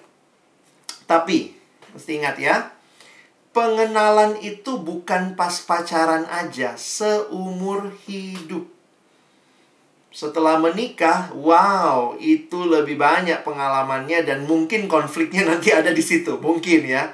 Karena sudah satu rumah, satu kamar. Sekarang kalau nggak suka pun kan, ya kalau orang pacaran berantem kan habis itu pulang rumah masing-masing kan. Yang penting nggak lihat tampang dia sehari kalau lagi kesel. Tapi kalau sudah sudah menikah, mau pulang ke mana? Tidur punggung-punggungan, satu ngadep sana, satu ngadep sini Nah, jadi poin saya begini. Uh, modal kalian dalam berelasi selama pacaran yang belum berantem besar itu adalah modal uh, konflik management yang baik. Tapi tetap lihat ke depan ketika mengalami konflik dan mungkin ada atau pasti ada bahkan sesudah menikah, cobalah tetap bisa dengan modal tadi gitu ya. Nanti kalau butuh juga konseling atau apa bisa menolong tuh teman-teman yang sudah mengalami pergumulan. saya saya ketemu sih banyak yang seperti itu ya. Waktu pacaran baik-baik aja. Ya emang nggak apa-apa emang baik mau dibilang suruh bikin berantem berantem kok berantem kok. Nggak juga begitu. Ya udah baik tapi waktu habis itu nah saya bilang sering kali begitu sudah menikah banyak orang nggak mau buka diri kalau lagi pergumul Nah ini pentingnya sebenarnya komunitas lah ya Entah KTB, kelompok kecil, komsel, apalah namanya ya. Saya makanya memberi diri juga membimbing beberapa uh, pasangan muda Habis mereka menikah uh, Kita bikin KTB gitu ya. Karena saya bilang kita butuh dibimbing Kita butuh orang lain Karena biasanya begitu sudah menikah Kita malu tuh cerita Kesannya apalagi kalau pernikahan kita mewah begitu ya Eh tahunya dua minggu kemudian berantem gitu ya Nah, saya ngalamin tuh, ada satu adik yang saya dampingi, wow, pernikahannya mewah sekali, sebulan kemudian berantem, besar. Selama pacaran aman, tentram, damai. Wah, itu malam itu saya langsung datang, saya tolongin dalam arti saya ajak bicara yang prianya, dan bagi saya ternyata, uh, ya kita nggak pernah terlalu kenal pasangan kita kok. Itu per perjuangan seumur hidup Lihatlah papa mama kita ya yang sudah sudah menikah sekian puluh tahun aja masih kadang-kadang ngomong, saya nggak kenal itu kok, saya nggak ngerti kenapa kok masih begitu. Saya nggak mengerti. Ya ampun, sudah 70 eh, sudah 15 tahun menikah masih saya nggak mengerti, saya nggak mengerti, tapi tetap menikah kan. Makanya butuh komitmen. Jadi komitmen itu yang akan mempertahankan kalau nanti ada masalah jangan lupa ya terus untuk apa ya datang sama Tuhan cari pertolongan juga dari konselor-konselor atau ya ke koyunias yang udah menikah gitu ya. ya. Thank you, Kak Alex. Kak, ini sebenarnya makin malam kayaknya makin panjang. Teman-teman kayaknya baru oh ini Kak. Oke ya. Saya saya no problem, saya nggak ada apa-apa. Jadi kalau kalian mau nanya silakan. Oke, ini. Oke, thank you Kak Alex ya untuk waktunya. Nah, ada lagi Kak yang mau tanya. Uh, ini uh, ada satu misalnya gitu ya, dia dia mungkin punya pengalaman uh, apa pun lah ya uh, trauma atau apa pun gitu nah tetapi dia hanya ingin mem membangun relasi tetapi tidak mau menikah entah kenapa uh, ya saya mungkin kurang jelas juga tapi ada faktor mungkin yang membuat dia bisa nggak mau menikah nih gitu tapi saya mau berrelasi nih gimana kali berarti persahabatan itulah batasnya. Jangan lebih, karena kalau lebih ya kita berzinah nanti. Jadi ya berarti boleh bersahabat boleh. Punya sahabat baik boleh. Sahabat lawan jenis juga boleh, tapi memang ketika sahabat kita, khususnya kalau bersahabat dengan lawan jenis dan dia sudah menikah, saya pikir sih harus membatasi komunikasi, kontak, karena ya itu itu etikanya seperti itu. Jadi untuk beberapa teman gitu ya, saya pikir hati-hati harus punya batasannya. Dan karena itu beberapa teman yang mungkin punya pergumulan seperti ini, akhirnya pilihannya sahabat dan untuk lebih aman ya sahabat yang sejenis. Kira-kira begitu. Sekarang kan banyak tuh ya reuni-reuni mempertemukan lagi kita sama teman kita yang dulu nggak pernah pernah deket tapi kemudian udah lama nggak deket nah cuma uh, ya kalau boleh nasihat aja jangan sampai kalau benar ada trauma sebaiknya diselesaikan. Kenapa? Nah ini masuknya lebih konseling teknis ya. Beberapa teman-teman yang kita itu punya satu keinginan yang kalau kita tidak benahi dalam relasi juga itu ada ada kemungkinan kita bisa posesif. Nah, bayangkan kalau yang kalau tanda kutip ya, kalau menikah karena memang pasangan kita posesif itu jadi kayak malah seneng ya, ada yang protek, ada yang lindungi. Tapi kalau bersahabat, hati-hati jebakan posesif itu. Nah, saya sih ngalamin beberapa kali waktu menangani kasus-kasus ada yang ngalamin seperti itu. Jadi, sahabat baiknya menikah, dia yang nangis-nangis. Dia yang merasa sahabat baiknya diambil, dirampas dari dia. Padahal itu kan perasaan. Jadi, makanya mesti ada batasnya juga kalau punya sahabat ya. Maksudnya, ya namanya batasnya sampai sahabat. Dan persahabatan yang baik itu bukan persahabatan yang posesif, lalu membuat orang itu jadi nggak boleh bersahabat dengan orang lain gitu. Ya, ya. berarti kalau dia hanya mau berpacaran gitu, tapi nggak mau sampai kepada pernikahan, eh, apakah salah gitu pikiran ini? Pertanyaan itu kan. Saya harus katakan kalau itu pilihannya salah. Ya, karena uh, sekali lagi ya, kedekatan tanpa komitmen yang jelas, tanpa tujuan yang jelas, saya lihatnya kok cenderung me menghancurkan. Saya udah ketemu beberapa kasus gitu ya. Waduh, itu jadi kasih dipermainkan, saling saling ya istilahnya sudah sudah berhubungan badan lalu ditinggal gitu. Karena akhirnya tuh cuman kayak kayak buat satu sisi fun, yang satunya baper. Nah, waktu yang baper ini kemudian menjadi-jadi ya, jadi kayak kayak jadi nggak nggak matching gitu. Nah, itulah kalau nggak ada komitmen kan. Mungkin itu itu yang kita sebut dengan ini ya? FWB ya. Iya, friend with benefit. Ya. Itu itu konsep dunia. Alkitab nggak punya konsep itu kali ya. Satu lagi pertanyaan berikutnya itu uh, bagaimana kalau orang tua itu mengharuskan cari pria yang mapan gitu, sedangkan uh, kita suka pria yang ya mungkin belum mapan. Nah, bagaimana? Um, kalau ngalamin pergumulan seperti ini dan kita mesti hayati ya, kalau satu waktu kita jadi orang tua juga pasti kita punya perspektif yang kurang lebih sama. Jadi kalau saya menasehati teman-teman yang dituntut orang tuanya seperti itu, saya bilang begini, tolong dengarkan apa maksud baik orang tuamu. Jadi jangan langsung marah, langsung melawan, dengerin. Nggak mati kan, dengerin dulu, terima. Kalau perlu say thanks, thank you ma, mama sangat care sama saya ya. Karena konsepnya orang tua mungkin sederhana ya. Saya nggak mau anak saya susah. Karena itu cari yang mapan. Logikanya logika orang orang sederhana lah ya. Nah, nanti dalam perjalanan saya pikir nah pelan-pelan kita pahami konsep orang tua tentang mapan. Sebenarnya kalau orang tua kita enak diajak ngobrol, kita juga bisa ngomong, "Ma, dia mapan tapi begini. Dia mapan tapi begini." Berarti ma bukan cuma mapan ya. Jadi sebenarnya kalau kita bisa komunikasi tuh enak ya. Nah, tapi saya nggak tahu ya, ini kan keluarga teman-teman, teman-teman yang paling tahu. Yang jadi masalah adalah kadang-kadang kita nggak mau dengar orang tua kita langsung bilang kolot. Apa sih orang tua gue nggak ngerti, bahkan nggak pernah say thank you buat perhatian yang begitu besar buat kita gitu. Jadi saya suka ngalamin tuh kayak gitu ya. Uh, say thank you dulu, hargai papa mama punya pendapat, nanti kapan-kapan ngomong iya ini mapan loh pak. Ma ini mapan loh anaknya. Tapi ternyata dia dia suka suka maki-maki saya. Papa mau dapat yang mapan tapi nggak sayang sama saya?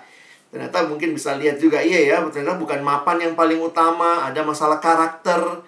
Jadi akhirnya kita bilang ya kalau mapan kita bisa ingat juga dulu papa bangun usaha berapa lama. Emang waktu menikah udah mapan?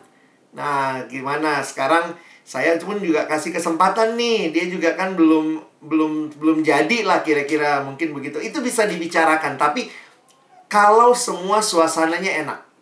Kadang-kadang kita nggak mau dengar masukan jadi langsung suasananya nggak enak boro-boro mau ngomong. Pokoknya orang tua aku nggak suka sama pilihanku. Selesai deh perang dunia. Ya, Alex jawabannya ya. Semoga menjawab teman-teman. Berikutnya ada lagi yang mau tanya uh, Bagaimana caranya Tuhan menjawab doa kita kalau dia memang orang yang Tuhan kehendaki untuk menjadi pasangan hidup? Tuhan apakah menjawab langsung atau bagaimana? Tentu Tuhan memberikan kepada kita sekali lagi kepekaan ya dan di dalamnya bagi saya ada akal sehat, ada nasihat dari keluarga, dari teman, dari komunitas, dari orang-orang gereja. Saya sih melihatnya cara Tuhan menjawab itu kadang kita nggak tahu langsung dari Tuhan kasih ini ayatnya. Misalnya cari yang namanya ini, enggak ya. Tapi saya melihatnya Tuhan di Alkitab itu kasih prinsipnya. Lalu kita diberikan kebebasan memilih. Jadi Saya sangat menghayati ada kebebasan memilih. Tuhan kasih prinsipnya harus anak Tuhan, cinta Tuhan, cinta saya juga. Nah, lalu ya di situ itu ya pakai akal sehat kita gitu ya. Apakah dan dan bagi saya begini loh, namanya memilih maka logis juga tuh timbang-timbang. Ini kalau ada yang punya pergumulan nih, tiba-tiba ada dua yang maju sama-sama. Ini seorang perempuan ya. Lalu ada dua cowok yang maju bersama. Yang mana yang dari Tuhan, Kak? Yang mana yang dari Tuhan? Saya bilang, saya juga nggak tahu. Tanya sama Tuhan. Nah, tanyanya gimana? Dia minta Tuhan kasih ayat. Ayatnya buat yang mana? Yang sini apa yang sana? Saya bilang, kalau udah begini pakai akal sehat. Kamu lihat karakternya. Lihat latar belakang keluarganya. Kamu siap nggak hidup seperti itu? Lihat yang satu dia seperti apa, kamu siap nggak hidup sama dia? Tapi kan kak takut salah pilih. Saya bilang sebenarnya banyak orang yang karena takut salah pilih, yang terjadi adalah dia tidak memilih. Itu malah jadi lumpuh. Aku tuh takut salah pilih, takut salah pilih, malah nggak milih. Bagi saya justru lebih baik kamu coba memilih. Dengan berbagai pertimbangan, bisa salah pilih nggak? Bisa, saya harus bilang bisa. Tetapi kalau kamu anak Tuhan, maka di tengah kamu salah pilih pun kalau kamu peka terus kepada Tuhan, kamu akan dibawa balik. Jadi eh, apa ya dalam relasi seperti ini jawaban doa Tuhan itu eh, unik ya lewat semua yang ada di sekitarmu. Ya, thank you Alex. Teman-teman, ini ada dua terakhir ya. Kita nampaknya mesti membatasi juga. Terus ini panjangan. Uh, oh, tiga malah. Kita terakhir ya. Iya, iya, iya. Nggak apa-apa, nggak apa-apa. Uh, Oke. Uh, ini yang yang berikutnya bertanya, uh, gimana caranya misahin antara pelayanan dan relasi? Misalnya nih, beberapa jam sebelum pelayanan, lalu bertengkar pasangan. Nah, itu gimana solusinya? Kan pelayanan masih terganggu. Gitu. Gimana? Iya. Miliki kebiasaan kali ya. Jadi sebenarnya begini loh, paling kalau kita lagi bertengkar, jangan jangan terlalu berharap selesai masalah waktu bertengkar. Karena semua lagi panas. Jadi ada baiknya kalau lagi waras, lagi nggak marah, lagi sadar semua, uh, coba bicarakan kira-kira manajemen konfliknya seperti apa. Walaupun ya saya harus bilang juga sesudah dibicarakan pun waktu kejadian berantem tetap aja sih nggak banyak kali nggak berlaku manajemennya. Cuma paling tidak ada ada prinsip. Nah saya kasih contoh saya lah ya sama istri. Saya sama istri kan uh, ya saya pelayanan, istri juga pelayanan begitu. Nah, dalam kalau kami lagi waras begitu waktu dulu ya, waktu pacaran, waktu baru menikah, akhirnya kita bicarain kita tuh seperti apa? Kamu tuh uh, kalau kalau kamu marah, kamu pengennya apa? Karena ternyata kami punya perbedaan. Di awal-awal menikah aja kami berantem besar itu karena kalau istri saya punya masalah, dia pengennya diem. Kalau saya, ayo selesaiin gitu. Nah, jadi akhirnya kami uh, dulu tuh saya bisa dicuekin tiga hari gitu. Dan saya nggak ngerti gitu. Dan semakin dicuekin, saya semakin maksa. Ayo jawab, ayo jawab gitu ya. Wah itu jadi tambah marah gitu. Nah ternyata buat dia, kasih saya waktu tenang dulu. Nah, terus saya juga cerita, saya tuh maunya selesai cepat karena saya banyak pelayanan juga. Saya nggak mau gitu ya mengha, mengha, mengganjal hati. Jadi akhirnya sebetulnya selama kami menikah, akhirnya kami bertumbuh ya.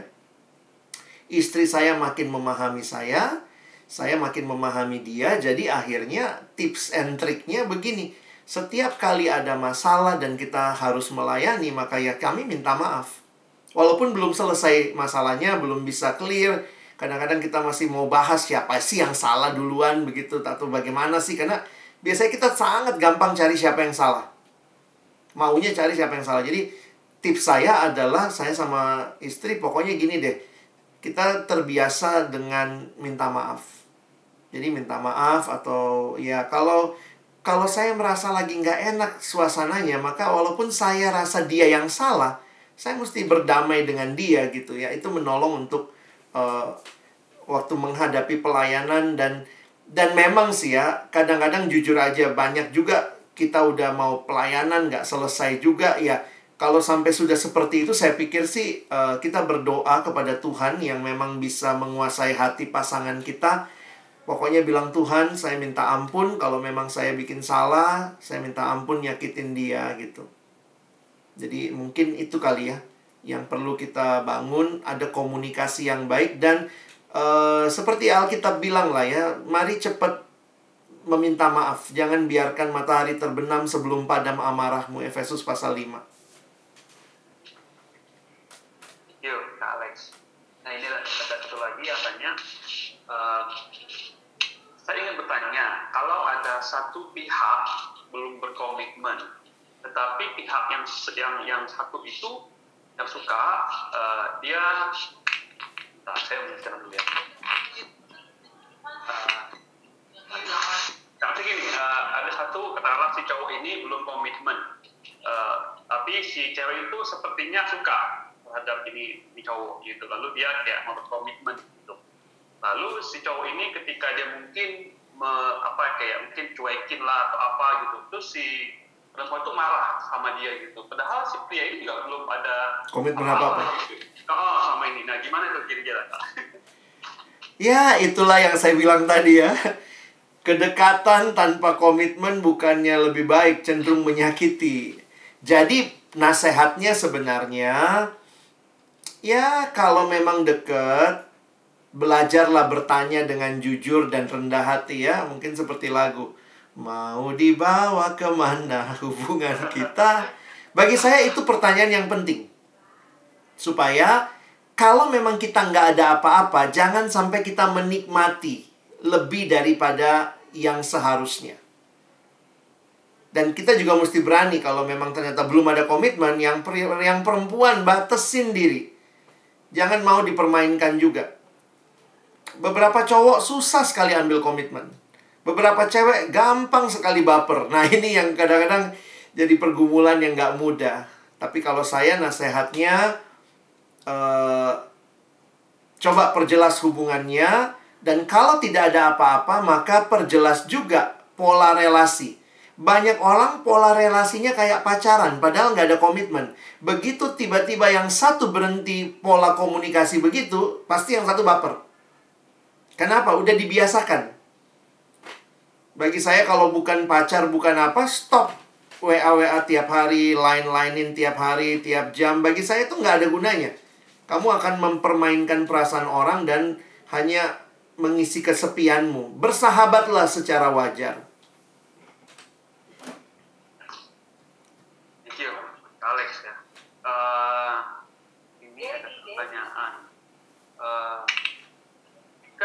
Jika kita mendapat seorang pria yang yang mungkin menurut dia nggak berhikmat atau mungkin agak uh, ini sih agak kasar ya agak bodoh gitu ya apakah cewek tetap tunduk begitu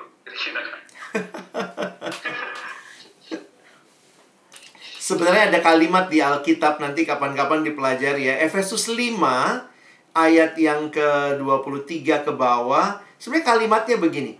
Ini ini memang buat istri ya. Tapi kan ini mirip juga karena kan kamu bertanyanya dalam kaitan mau lama nih sama nih orang gitu ya. Gimana mau tunduk? Kalau memang siap menikah, perempuan harus belajar tunduk. Karena kalimat Alkitab istri tunduklah kepada suamimu, bukan istri tanduklah suamimu, bukan ya, tunduk. Nah, tetapi ada kalimat di bawahnya suami kasihilah istrimu. Jadi saya melihatnya begini istri itu akan otomatis tunduk kepada pasangan atau suami yang mengasihi. Nah, menariknya di Alkitab tidak bicara istri tunduklah kepada suami yang pintar. Ya, suami yang mengasihi. Jadi mungkin secara pengetahuan, ranking di kelas ceweknya lebih jago, lebih pintar. Tapi cowoknya ini lebih bodoh secara intelektual, tetapi dia punya kasih yang dalam bagi saya harusnya sih tidak ada masalah. Tentu dalam kehidupan setiap orang menanggapi masalah itu beda-beda ya. Tapi poinnya adalah ya kalau siap hidup dengan orang maaf yang bodoh tapi mengasihi itu seumur hidup, silakan. Tapi kalau memang nggak siap ya bilang Tuhan sampai sini aja hubungan ini. Saya tetap meyakini kita perlu mengenal.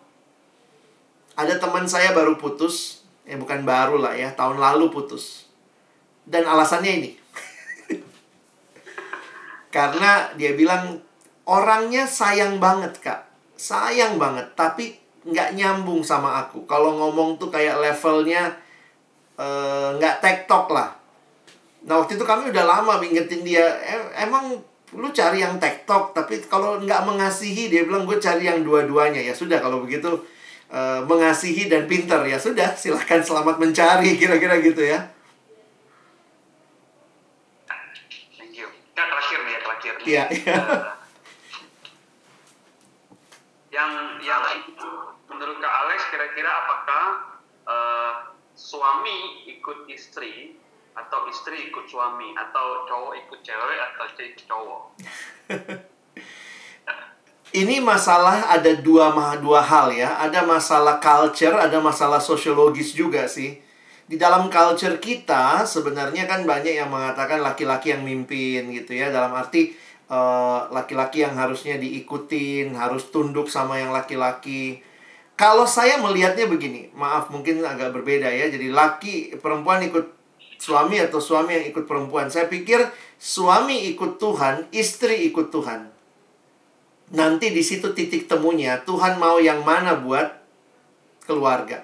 Kalau Tuhannya sama, kalau sama-sama dalam pergumulan kepada Tuhan yang sama, maka sebenarnya nanti siapa pun yang ikut siapa itu adalah pergumulan bersama di hadapan Tuhan.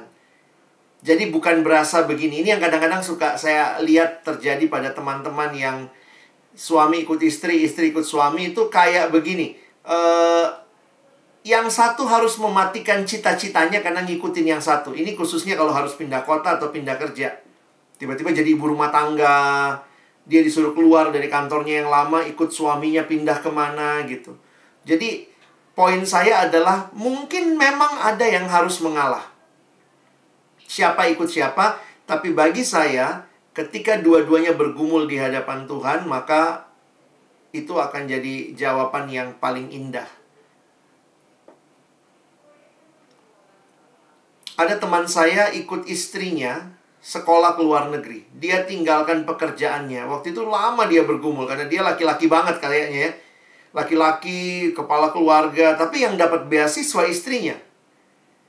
Nah, pilihannya waktu itu dia berat sekali, harus ada di luar negeri, nemanin istri studi sambil jaga dua anak mereka yang masih kecil.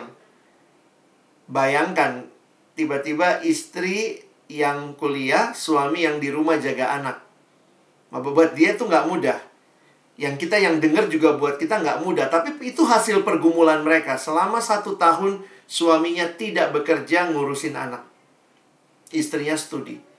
Jadi jangan merasa saya mengalah buat kamu, kamu mengalah buat saya. Tapi kalau sama-sama kita gumulkan di hadapan Tuhan, adalah poinnya begini ya. Saya bergumul di hadapan Tuhan, saya mau menemani kamu dalam perjalanan menggenapkan rencana Tuhan. Karena itu saya rela untuk tidak bekerja misalnya. Untuk menolong untuk menggenapi rencana Tuhan bagi kamu. Saya pikir begitu cara lihatnya. Jadi jangan lihat menang kalah, nanti berantem. Satu waktu bisa apa kata orang Makassar nanti kau bangke-bangke lagi. Dulu kan saya ikut kau toh, sekarang kau yang ikut saya, nggak mau tahu. Jadi akhirnya kita kayak merasa menang kalah. Jangan. Thank you, Kak Alex. Uh, kan terakhir, apakah ada nggak uh, statement-statement yang atau pesan atau poin-poin yang mau di-highlight buat kami, kami lagi hmm. buat teman-teman pemuda remaja dalam dalam kehidupan mereka? Silakan Kak Alex. Ya, ingat saja ayat firman Tuhan yang mengingatkan kita bahwa baik engkau makan maupun engkau minum, lakukan semuanya untuk kemuliaan Tuhan. Jadi teman-teman, hal yang sangat wajar dunia lihat sebagai sebuah relasi pacaran segala macam. Mari kita bingkai dengan baik di dalam untuk kemuliaan Tuhan. Berteman untuk kemuliaan Tuhan. Bersahabat untuk kemuliaan Tuhan. Berpacaran untuk kemuliaan Tuhan. Pernikahan untuk kemuliaan Tuhan. Nah kalau itu yang membingkai seluruh relasi kita maka kita tidak akan jadi egois tapi kita akan terus bertanya, Tuhan, apa yang harus aku lakukan supaya relasiku ini memuliakan Engkau. Jadi kiranya teman-teman eh, malam ini mendapatkan prinsip-prinsipnya dan kasus demi kasus menjadi bagian yang itu pergumulan yang teman-teman akan lewati. Dan kami hamba-hamba Tuhan tentunya ya Koyunias juga akan uh, ya jadi jadi sahabat lah yang mendampingi perjalanan kalian. Boleh konsultasi kami punya cerita kita bagi cerita kita supaya apa yang jadi rencana Tuhan teman-teman bisa jalani dengan baik. Oke okay, thank you. Thank you. Teman-teman mari kita memberikan applause bisa lewat tepuk tangan bisa juga lewat uh, apa image reaction itu buat Kak Alex. Thank you Kak Alex buat uh, makasih thank you ya. telah menyampaikan materi dan Tuhan yang indah sekali. Teman-teman sebelum kita berdoa bersama nanti Kak Alex berdoa. Teman mari kita berfoto dulu yuk. Mari teman perlihatkan wajahnya yang ganteng yang cantik supaya saling melihat uh, kita akan ambil foto bersama. Ada dua screen ya ada dua kali. Kita akan berfoto bersama. Nanti Wendy akan menghitung. Silakan Wendy bisa di unmute dulu Wendy. Ya teman-teman kita ya. Oke okay, mari kita foto. Jangan lupa ya. buka kamera bisa buka kamera Oke, kita foto ya. Satu, dua, tiga. Oke, tunggu satu kali lagi untuk screen dua. Satu kali lagi, satu, dua, tiga. Oke. Oke, kalian bisa duduk dalam doa buat kita. Baik, mari kita berdoa. Bapak Surgawi, terima kasih buat diskusi kami malam hari ini. Sungguh begitu banyak hal yang kami sudah bahas dan ini juga menjadi bagian pergumulan perjalanan iman sahabat-sahabatku dari GKKA di Panakukang di Makassar. Terima kasih buat antusiasme, pertanyaan, pergumulan yang disharingkan dan kerinduan untuk terus berjalan bersama Tuhan. Karena itu kami bertanya, kami ingin tahu apa yang menjadi kehendak Tuhan. Dan malam ini sudah banyak prinsip yang dibagikan, tapi lebih lagi kami berdoa, Tuhan biarlah kami menjadi pribadi-pribadi anak-anak yang berjalan bersamamu, terus mencari kehendakmu, punya relasi yang indah dengan Tuhan setiap hari. Hamba berdoa bagi adik-adikku, saudara-saudaraku, sahabat-sahabatku ini, agar kiranya di dalam menapaki perjalanan ke depan, termasuk di dalam relasi dengan pasangan, kami berdoa biarlah seperti prinsip firman-Mu. Kami benar-benar memikirkan bukan bagi kemauan kami, tetapi bagi kemuliaan Tuhan. Sekali lagi terima kasih untuk kesempatan sama-sama boleh sharing, berbagi. Malam telah menjadi bagian kami, berkati istirahat kami, bangunkan dengan kekuatan kesegaran yang baru besok hari untuk boleh hidup dan melayani Tuhan. Sekali lagi kami bersyukur menutup pertemuan kami malam hari ini dalam satu nama yang kudus. Nama Tuhan kami Yesus Kristus, penebus dan juru selamat kami yang hidup kami sudah berdoa. Amin. Ya, Kak Alex, saya mewakili teman-teman dari Panakukang menyampaikan terima kasih banyak buat waktu, kesempatan, pengalaman, teman Tuhan yang dibagikan, kiranya boleh memberkati kami dan boleh menolong setiap kami di tempat ini. Sama-sama. Ke depan mungkinkah kita ada waktu lagi kita akan kembali lagi barangkali ngobrol-ngobrol seperti pada malam hari ini. Kalau boleh, boleh. Alex mau live silakan kak kita okay. balik ya ngobrol. Thank you ya Alex teman-teman.